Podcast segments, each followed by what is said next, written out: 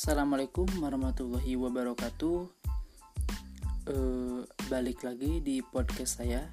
Di podcast kali ini saya akan menjawab lagi sebuah pertanyaan di mana pertanyaannya ini sebutkan empat unsur pokok yang menjadi pembeda antara suatu sistem ekonomi Islam dan sistem ekonomi lainnya.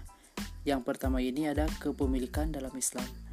Uh, jadi seluruh alam semesta adalah milik Allah Subhanahu wa taala serta manusia hanya mengemban amanahnya. Yang kedua ini ada maslahat sebagai insentif ekonomi dan yang ketiga ini ada musyawarah sebagai prinsip pengambilan keputusan dan yang terakhir pasar yang adil sebagai media koordinasi dan penyediaan informasi. Mungkin hanya itu.